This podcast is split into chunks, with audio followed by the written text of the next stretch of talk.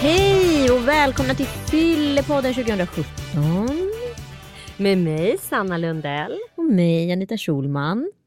Gud vad det är härligt att vara tillbaks, känner jag. Jag kände också att jag fick det här radiosvunget. Att man är tvungen att göra lite det här och gå ner. Absolut. Välkommen till Fyllepodden. Är det kanske för att vi har en sån otroligt professionell gäst idag? Jag tror det. Man måste liksom sharpa upp sig lite grann eh, när man har en annan journalist i eh, studion. Exakt. Jag känner Nu att är jag... han ju inte i studion. Nu är han han inte är i i en studion. annan studio kan man säga. Han är i Washington. Ja. International. Super international och han är ju också tjänstledig från sitt yrke och är numera hemmaman. Ja, spännande. Välkommen till Fyllepodden, Robert Laul.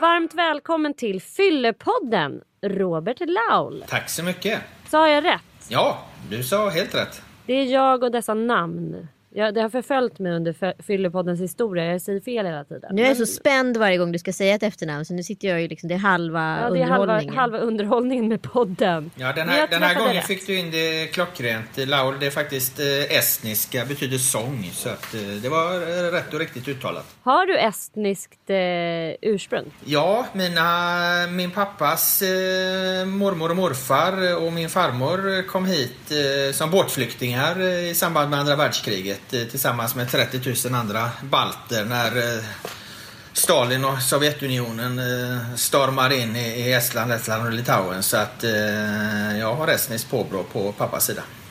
Och du är i USA nu bara så att vi förklarar för våra lyssnare vad, vad som sker. För det är inte så ofta vi gör Skype-intervjuer nämligen. Eh, nej, det stämmer. Jag är i Washington eh, just nu så att eh, eh, det är lite tidigare på förmiddagen för mig än vad det är för er just nu när vi spelar in det här. Jag fick gå upp i ottan när jag hade glömt av att det var en tidsskillnad på sex timmar. Det är lätt hänt.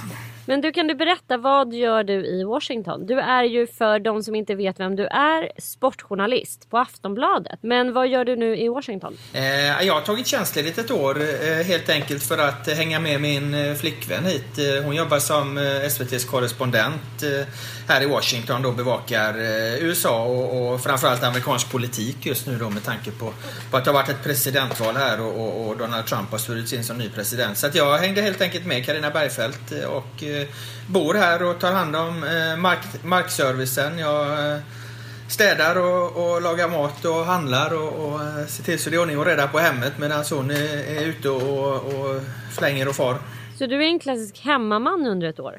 Ja, eh, så kan man faktiskt säga. Det, det, det, det är precis vad jag är. Jag skulle säga att det är väl det jag ägnar mest tid åt här. Jag har det ganska lugnt och skönt också ska jag säga. Jag har tid att träna och promenera och, och, och ta det lugnt och, och, och så. Men, eh, men framförallt eh, så, så är jag hemmaman faktiskt.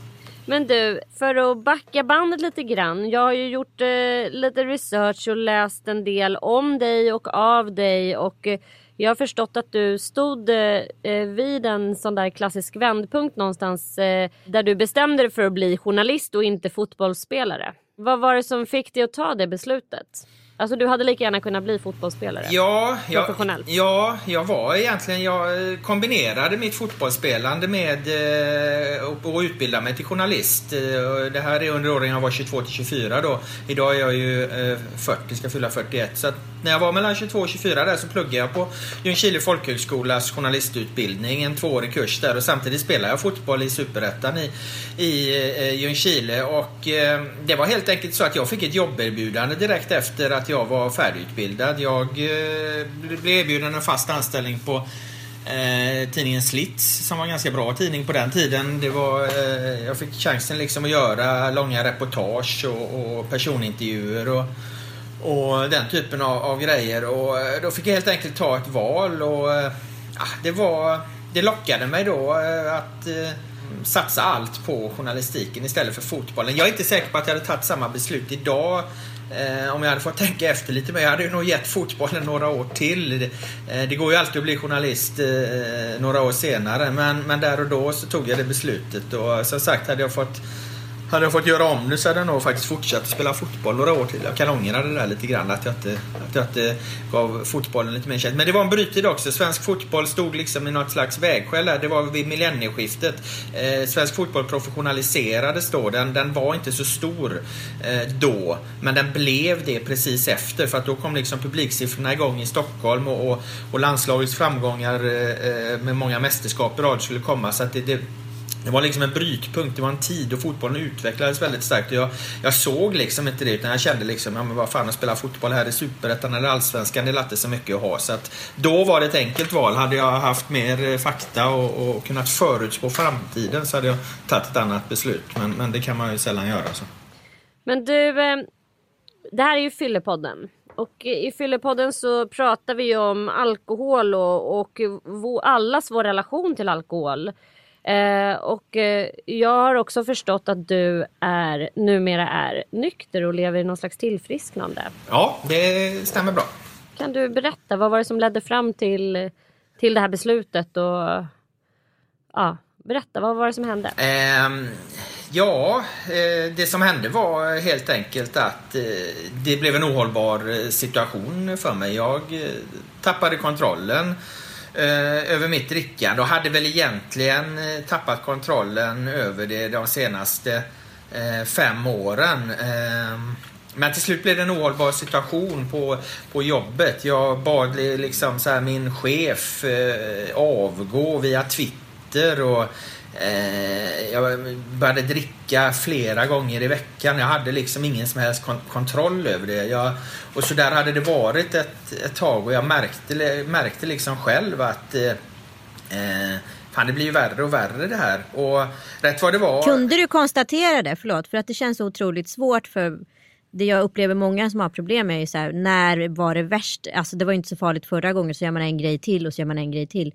när kan man sätta stopp för sig själv? Liksom? Ja, jag kunde, jag, jag kunde notera det själv för att jag eh, fick hjälp av min arbetsgivare eh, hösten 2015. Men redan på våren 2015 så hade jag själv eh, försökt ta tag i det här eh, utan hjälp eh, från arbetsgivaren, eh, bara med min egen kraft. Men då hade jag inte riktigt kraften att, att ta mig ur det. Så att efter några veckor så, så, så gav jag fan i de här självhjälpsgrupperna och så var jag tillbaka på banan igen. Men sen eh, eh, var vad som hände på hösten då när jag blev min chef avgå och, och, och liksom, jag hade misskött mitt jobb på det sättet. För jag är ändå en offentlig person. Jag kan inte skriva vad som helst om mina chefer och kollegor på Twitter och, och, och så. Det blir massa reaktioner då. Och så då ringer chefen till mig och så frågar han mig så här, du Robert, hur fan mår du egentligen? Och, och där kommer svaret direkt inifrån mig då att, eh, äh, vad fan, jag har tappat kontrollen över spriten. Jaha, säger han. Okej, okay, då får du komma in till redaktionen direkt så, så sätter vi oss och snackar om det här. Så att då åkte jag in till redaktionen och, och då satt liksom redaktionschefen och han och en representant från facket med, med, med, med ett eh, färdigskrivet papper där jag eh, förband mig vid att eh, gå med på en behandling om det behovet fanns. Då behandlingen inleddes med att, att de på behandlings eh, företaget gör en, en utvärdering, ställer frågor och gör lite tester och så här och, och kollar liksom, har den här personen ett alkoholberoende? Och, och eh, jag gjorde de här testerna och, och intervjuerna och utvärderingarna och, och, och det stod klart att jag hade ett alkoholberoende och att jag behövde, eh, jag behövde en behandling. Jag behövde inte bli inlagd men, men jag behövde gå en intensivbehandling på två intensiva månader plus ett år efter det. Och, och sen var jag liksom inne i det. Så, så att eh, Eh, Eh, med hjälp av, eh, av min, min, egen insikt att eh, fan, jag har tappat kontrollen och bra agerande och stöttning av min arbetsgivare så, så har det här löst sig riktigt bra skulle jag säga.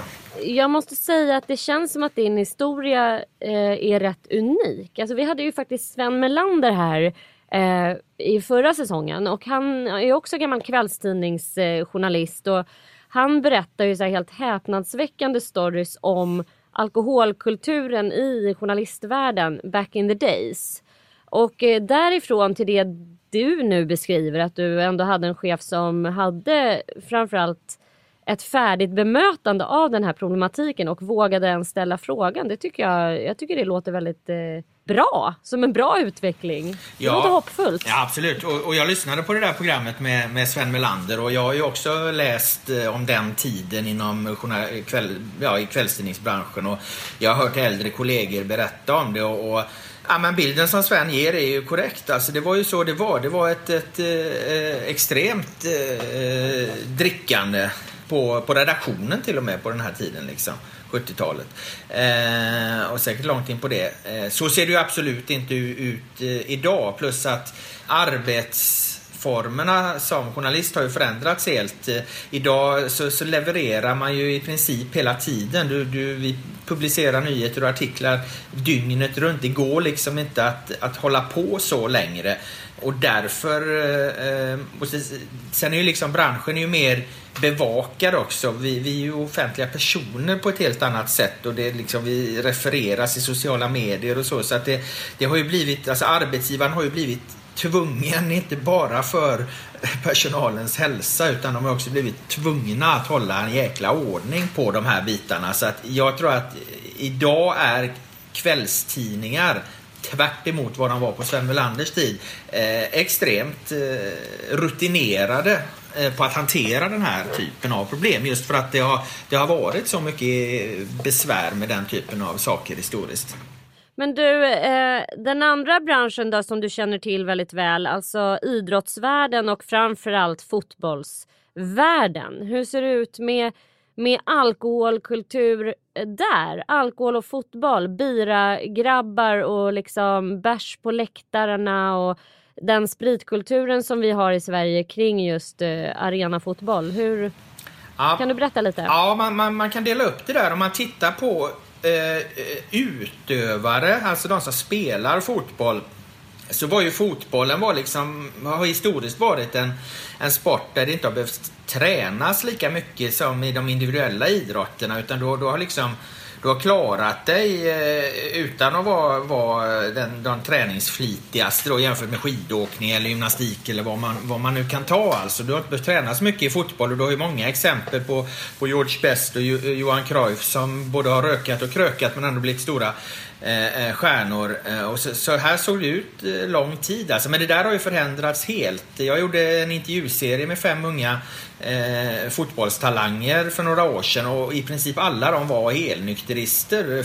De drack helt enkelt inte. Alltså, och tittar du på de unga spelare som kommer fram idag så, så är det en väldigt sund alkoholkultur bland, bland de nya fotbollsspelarna. Så det, det, det dricks väldigt lite och det har blivit mycket, mycket seriösare eh, eh även bland utövarna. Eh, däremot om man tittar på läktarna då bland, bland publiken så eh, har har det gjorts undersökningar och, och, det är väl vad magkänslan också säger men det, det, finns ju också undersökningar på det att väldigt många av de som går på fotboll, det här var i Stockholmsområdet, eh, är väldigt berusade när de ser matcher. Och det här gäller ju inte bara ståplatspubliken utan det här är precis lika vanligt på VIP-läktarna bland, bland slipsarna och kostymnissarna där va, som sitter och krökar under fotbollsmatchen matcherna. Så det är väldigt mycket fylla på fotbollsmatcher och, och, och även på, på ishockeymatcher eh, kan man anta. Även i samband med bortamatcher så finns det ju en, en, en alkoholkultur att eh, att många supportrar då dricker väldigt, väldigt mycket i bussarna på väg till matcher och så uppstår det stök och elände som det alltid gör då. Så att eh, medans eh, alkoholkulturen har gått tillbaka kraftigt bland utövarna så, så fortsätter den i oförminskad styrka på läktarna dessvärre och då både bland ståplatspublik och, och på VIP-läktarna är viktigt att tillägga. Men vad, vad, hur ser det, ser det ut så här i resten av världen också? Eller är vi unika i Sverige med just den här alkoholdränkta läktarkulturen? Eh, nej, nej, det är absolut inte unikt för eh, Sverige utan eh, tittar du så, så förekommer det i i England och så, men där har de ju skärpt lagstiftningen väldigt hårt. Det förekommer i Tyskland och så, där har de hittat en lite lite bättre väg. Eh, det förekom i Brasilien vet jag, så, så inför fotbolls-VM där 2014 så tog man bort eh, möjligheterna att eh, servera alkohol på restauranger i jättestor anslutning till arenorna. Man, man gjorde det liksom som ett experiment runt hela, hela ligan innan fotbolls-VM där. Och, och, då fick man ner bråk och, och och stök innan matcherna på ett eh, enormt positivt sätt. Eh, sen när fotbolls-VM dundrade in i Brasilien och, och, eh, och, de stora sponsorerna kom dit och så här så, så tog man tillbaka det här, den här möjligheten att dricka alkohol igen nu och, och nu, nu, nu, kan de dricka alkohol igen då runt Brasiliens matcher och, och då är stöket tillbaka. Så att Eh, Eh, det, ser, det är absolut inte unikt för Sverige och, och, det finns många andra länder i världen som har exakt eh, samma problematik. Eh, för att jag menar fotbollen har ju sin beskärda del av elände med, med, med våld och bråk runt matcher också. Och, och, och tyvärr så, så, kan man ju anta att det här hänger, hänger ihop väldigt mycket med, med alkoholkonsumtion också. Har du fått bytt eh, liksom, livsstil och med det med kompisar och liksom, eh, umgänge och intressen nu efter att du har eh, slutat dricka alkohol? Eller hur, hur stor påverkan har det här haft på ditt liv? Ja, det har haft väldigt stor påverkan och det var väl snarare så att jag eh, haft eh, ett bra umgänge i, i hela mitt liv egentligen. Jag har ett, ett bra liksom, gäng från barndomen och jag har gjort goda nya kompisar när jag flyttade upp till Stockholm och blev journalist. Men ju mer jag föll in i mitt missbruk eh, desto mer liksom, drog jag mig själv undan från de sammanhangen för att de här människorna drack inte på det destruktiva sätt jag drack. Eh, så att jag började liksom tappa kontakten, glida ifrån mina eh, vänner eh, men drack du själv eller hittade du nej, nya liksom, nej, det var det jag skulle komma in på där. Och då, då, då, då liksom skaffade jag mig ett nytt umgänge istället. Av, av, av likasinnade. Eh, så att jag började umgås med människor som också kunde dra igång en, en uh, fest på kvarterskrogen en, en torsdag liksom och sen så fortsatte den fram till söndagen ungefär. Uh, så att jag hamnade i ett helt annat umgänge. Sen nu när jag, när jag slutat dricka och, och tagit hjälp här så har jag ju mer kommit tillbaka till mina gamla vänner igen. Eh, för att det är ju egentligen någonstans där jag känner att jag egentligen hör hemma. Men, men spriten gjorde att jag sökte mig till ett helt annat umgänge. Så att eh, man kan väl säga att det har fått mig att byta tillbaka till mitt gamla vanliga umgänge. Det finns ju många olika teorier och idéer liksom om varför man utvecklar ett beroende. Eh, om du tittar på ditt eget liv, har du några liksom, kan du hitta någon förklaring till att, att du blev beroende? Eh, eller har du flera förklaringar? Jag ser ju det som en eh, familjesjukdom på många sätt. Jag har det eh, från mina föräldrar. Både min mamma och min pappa var alkoholister. Min mamma är nykter sedan 17 år är det nu ja, och min pappa han kör på fortfarande. Eh, så att jag har liksom haft det här i, i eh, familjen. Och jag tror ju att på sätt och vis så blev jag, eller så var jag alkoholist direkt jag började dricka. För att jag minns första gången jag drack, jag var 16 år. Och jag, jag, hade någon slags medvetenhet om det. Jag visste om att mina föräldrar hade, hade problem. Jag visste om att eh, alkohol var farligt. Jag spelade väldigt mycket fotboll. Jag hade liksom fram till jag var 16 så hade jag haft en, en inställning att jag skulle inte dricka sprit för det skulle inte vara bra för mig. Eller jag skulle inte dricka alkohol alls för det var inte bra för mig. Och mina kompisar de hade börjat testa sen när de var 14-15 kanske. Men nej, jag körde på med fotboll och, och, och höll mig undan från det där. Men men sen så började jag vackla i det liksom och, och, och det började bli viktigare med snygga kläder och, och mopeder och, och, allt vad det var. Och då, då blev det liksom naturligt också i det sammanhanget att då skulle jag testa alkohol. Och som sagt, jag minns första gången jag drack att för mig det var som att hitta himmelriket. Alltså jag, jag kommer ihåg var jag var någonstans. Jag satt med Eh, med, med, några tjejer liksom. Det hade varit ganska ointressant för tjejer och så, så hällde jag i mig några så här små flaskor med vad fan det nu var, eh, Någon några, några sprit och, och två folköl liksom. Och helt plötsligt så, så började jag dra skämt och de tyckte jag var superrolig och, och jag kände själv liksom att all den här oron som jag ständigt eh, gick omkring med då omedveten om från hur min hemmamiljö var liksom, den, den någonstans försvann. Så att det, jag, jag, jag, jag var såld direkt. Jag, jag föll som en fura för spriten. Jag tyckte det var helt fantastiskt alltså. Och ja, därifrån var det liksom inget snack. Från den första gången så blev alkoholen en väldigt, väldigt viktig del i mitt liv. Men sen var jag som sagt medveten om det. Jag hade en fotbollskarriär vilket gjorde att jag inte kunde dricka hela tiden. Jag började så småningom jobba väldigt mycket vilket gjorde att jag inte kunde dricka hela tiden. Och jag hade som sagt en medvetenhet om att jag måste försöka kontrollera det här på något sätt. Men till slut går ju inte det längre för att Alkoholismen är ju progressiv, det blir värre och värre. Du måste dricka mer och mer, det blir svårare och svårare att stå emot. Och liksom efter 20 år när jag var liksom runt 35 så, så ramlade jag ju ner i ett eh, regelrätt missbruk då. Där, där jag istället för att dricka varannan helg började dricka två, tre gånger i veckan. På sätt och vis så var jag fast från första gången jag drack och sen har det liksom egentligen bara blivit värre och värre. Om du fick eh, backa bandet och tänka ett scenario där du liksom får prata med ditt 16-åriga jag. Vad skulle du vilja säga till honom då? Ja, det är ju egentligen väldigt mycket och jag, det, den där frågan är jäkligt intressant. Alltså jag har funderat väldigt, väldigt mycket på den men, men jag hade nog velat att, eh, att någon kom och tog mig i handen. Kanske inte riktigt när jag var 16 alltså för att jag förstår att man testar. Jag tror ingenting liksom när jag i den åldern hade hindrat mig från att prova alkohol. Eh, men vad jag hade liksom velat förstå lite tidigare, det är just den här progressiviteten i det. Och anledningen till att man inte förstår det kanske för att det där är ett svårt ord. Vad fan betyder det? Ja men det betyder ju liksom att har du de här anlagen så, så, så utvecklas det hela tiden. Det spelar ingen roll om du försöker dricka lite så det blir liksom sämre och sämre. Det blir till och med sämre och sämre även om du håller upp så blir du mer, mer och mer eh, mottaglig för alkoholens skadeverkningar när du väl börjar det. Så att jag hade någonstans velat förstå det att det går liksom inte att kohandla med det där om du har de anlagen och, och och, och, och det på mitt sätt eh, som jag var då att jag inte hade någon kontroll på det. Eh, det hade jag nog velat att någon skulle, skulle förklara för mig att, att det, det, det, det är nästan lönlöst att, att försöka behärska eh, krafterna i den här sjuk, sjukdomen. Jag är av övertygelsen att har man mina problem så måste man klippa med det helt. Det går liksom inte att, att sitta och försöka ta två, tre glas vin liksom. För det, det, det är inte det som är poängen för, för mig. Eh, och det tror inte jag riktigt att, eller det vet jag att det förstod jag aldrig. Jag trodde liksom att det, det här går att hantera, det går att ha under kontroll. Eh, det går att ha under kontroll. Jag har kontroll. Eh, men det är en form av självbedrägeri, alltså du lurar dig själv.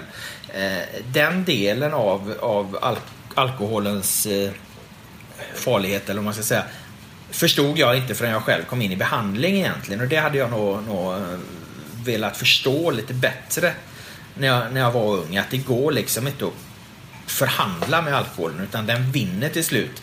För vissa kanske det tar, tar, tar längre tid, eh, för andra går det snabbare.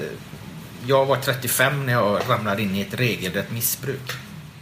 Men jag funderar på en sak. Eh, för du pratade lite om självförtroendet förut som du fick när du drack alkohol. Mm. Eh, det blir ju också ett alter ego eller en roll man kan börja spela. Kan man börja applicera de karaktärsdragen i den rollen på sitt vanliga jag så att du har ett fullt så att du egentligen blir likadan som ditt alkohol självförtroende. Förstår du? Om du är en blyg kille från början. Och det är en eh, invecklad fråga kanske. Ja, nej men den är väl jättebra. Eh, det, det kanske man kan Eh, Eh, men, men vad jag tänker just runt självförtroende och så eh, så är väl det också en sak som jag gärna hade velat få förklarad för mig tidigare i livet. Eh, just skillnaden mellan eh, självförtroende och eh, självkänsla. För att om du som jag liksom har vuxit upp i, i, ett, i en missbruksmiljö, ett missbrukshem, så, så, så utrustas du i regel med rätt eh, dålig självkänsla. Alltså självkänsla är ju vad du, vad du är och själv, självförtroende är vad du gör. Eh, och, och, och eftersom vi som har vuxit upp i de här miljöerna har låg eh, självkänsla så blir vi väldigt mycket det vi gör. Och det stämmer ju klockrent in på mig. Jag blev framgångsrik i fotboll, jag blev framgångsrik journalist. Jag har liksom hela tiden eh, fått jaga det här kortsiktiga självförtroendet. Eh, däremot har jag egentligen aldrig haft no no någon självkänsla att falla tillbaka på. Eh, så att eh, jag har hela tiden bara fått fortsätta att jaga, jaga, jaga och, och det här tror jag sitter ganska tätt ihop med eh, med missbruket, med, med beroendet. Eh, det hade jag nog också eh, velat förstå liksom, på tidigare. Jag hade velat att någon kom och tog mig, mig i handen och sa du duger som du är. Du behöver inte vara det du gör.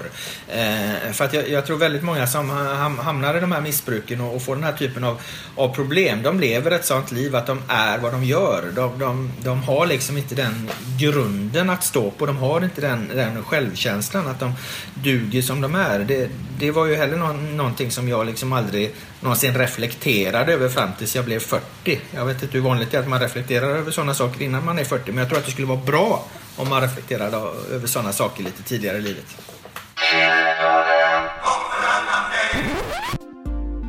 Alkohol kan vara gott och öka trivseln men det ställer också till många problem. För de som dricker och för de som finns intill och för samhället. För att det ska finnas en motkraft och för att människor ska reflektera över sitt drickande finns den idéburna organisationen IQ. Vill du veta mer? Kolla in iq.se. Men du, har du, alltså du berättade ju att båda dina föräldrar eh, var alkoholister. Hade ni, fanns det något samtal om det i er familj? Pratade ni om det eller eh, var, var det en skamlig fråga som man inte nämnde liksom så? Eh, ja, det, det, det var lite skillnad där på min mammas och min pappas alkoholism i hur jag förhöll mig till det, vilket också är en intressant eh, eh, fråga i ett större samhällsperspektiv skulle jag säga. Eh, kring min pappas alkoholism hade jag egentligen aldrig några problem att förhålla mig till. Det var så det var. Han var liksom eh, ett fyllo. Han var ute och krökade. Det visste, det visste våra grannar och det visste folk där vi bodde. Eh, och det var så det var och det var så det alltid hade varit. Eh, när jag pratade med mina kompisar till exempel om, om, hur jag hade det hemma och så, så sa jag alltid jo, jo men farsan är som han är men morsan hon är minsann bra liksom. Men hon, hade, hon, hon satt också och drack fast hon gjorde det i hemlighet. Eh, eh Eh, trodde hon. Eh, hon. Hon liksom smög, eh, smö, smygsöp och så här. Och, och, det hade jag mycket svårare att erkänna. Det skämdes jag mycket mer för. Eh, jag använde min mamma liksom som, som någon bild utåt att jo, jo men det, det, det, funkar hyfsat hemma för min mamma är det minsann ordning och reda på. Vilket det inte var. Eh, för att det var för mig mycket mer, mer skamligt och det har jag också funderat mycket på, på eh, i efterhand. Där. Vad handlar det om? Handlar det om så här traditionella könsroller? Liksom att det är okej okay att en karl super men att en kvinna får minsann inte göra det. Hur, hur, hur liksom låst eh, eh var jag i, i, i de stereotypa bilderna eh, när jag var liten och, och, och, när jag var ung och att det var så väldigt, väldigt mycket svårare att förhålla mig till min eh, eh mammas alkoholism. Jag upplevde hennes alkoholism som ett mycket större svek mot mig än vad min, min pappas var fast jag rent eh, faktiskt objektivt tycker att min farsa har ju ställt till med mycket, mycket mer elände för våran familj än vad min mamma har gjort.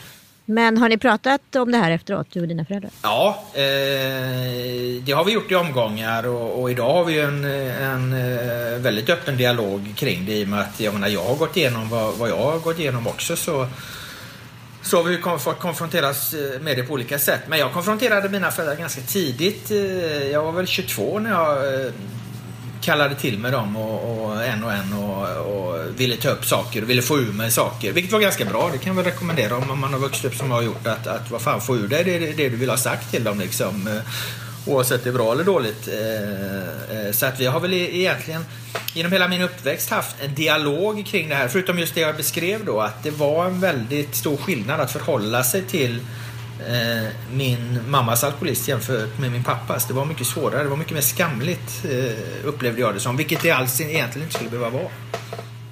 Men vi brukar faktiskt säga det, jag och Anita, vi har varit inne på det här när vi hade Kakan som gäst bland annat, att vi har ju extremt mycket högre krav på eh, hur, det visar också studier att män som är ihop med kvinnliga alkoholister, de gör i regel slut med dem för att det är så skamligt att ha en, en flickvän som liksom inte klarar av att hantera alkohol.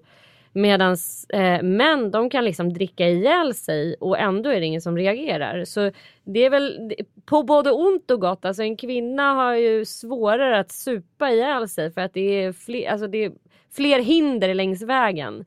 Men en man kan som Cornelis Vreeswijk supa sig in ner i graven och ändå bli så här hyllad och applåderad och folk tycker bara att han är en stor charmig härlig mysfarbror typ. Nu idag, hur länge har du varit nykter? Jag har varit nykter sedan den 4 oktober 2015. Så det är ju alltså ett och ett halvt år snart? Ja, det är väl ett år och tre månader nu va? Fyra till och med. Vad gör du för att uh, hålla dig nykter och liksom ha, ja, klara av att avstå? Det absolut viktigaste för mig skulle jag säga, det, det är liksom en inre tankeprocess.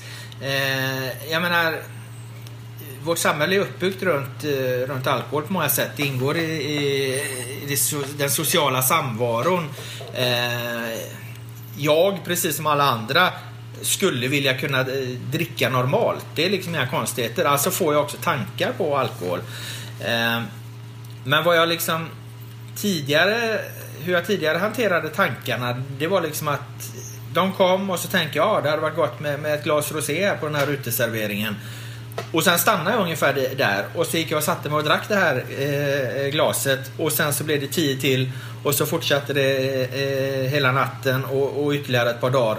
Och så hade jag ställt till med en satans massa elände.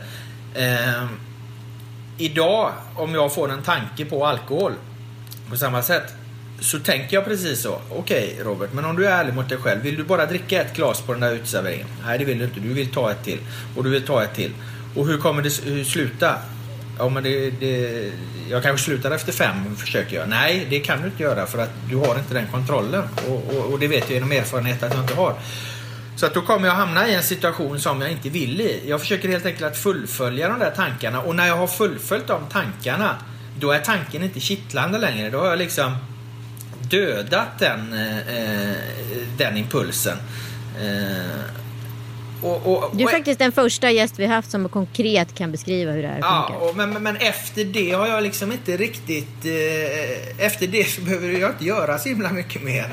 Eh, utan, utan lyckas du liksom vinna den där diskussionen vilket jag gör eh, varje gång nu, så, så blir det liksom inte då blir, det uppstår liksom inget sug eller så. Det är väldigt skönt.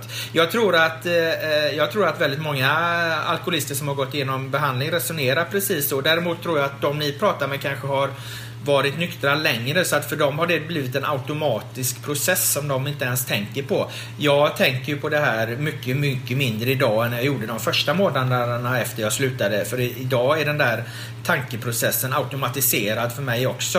Eh, det där går liksom per automatik nu att jag tänker igenom hela, hela scenariot och så, och så är det klart så har jag vunnit den, vunnit den eh, duellen då. Det är liksom inget, eh, det är inget jobb. Det är inte jobbigt för mig att göra. Eh, och, och jag tror att det, det, är dit man måste komma som om man är alkoholist och man ska bli av med det. Att man måste vinna de där matcherna ganska, så det inte blir en kamp varje gång.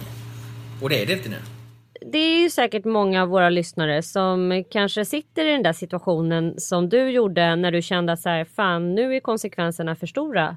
Nu, eh, jag har inte kontrollen.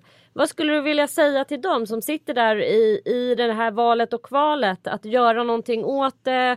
Eh, eller så här, fortsätta ett tag till? Alltså, vad, vad är dina, har du några konkreta så här, Tre tips. Använd det ordet du precis sa där. Alltså, eh, titta på konsekvenserna. Titta inte på mängd. Det, det är väldigt vanligt att vi diskuterar att man dricker si och så mycket och så. Det är egentligen inte särskilt relevant. Jag menar, eh, om du dricker en gång om året men helt är helt oförmögen att kontrollera det drickandet och du liksom eh, river firmafesten, är otrogen med chefen och, och, och, och vaknar upp i en fyllecell liksom. Alltså då, vad fan spelar det då för roll att du bara dricker en gång om året? Alltså, det är ju konsekvenserna eh, det många gånger eh, handlar om.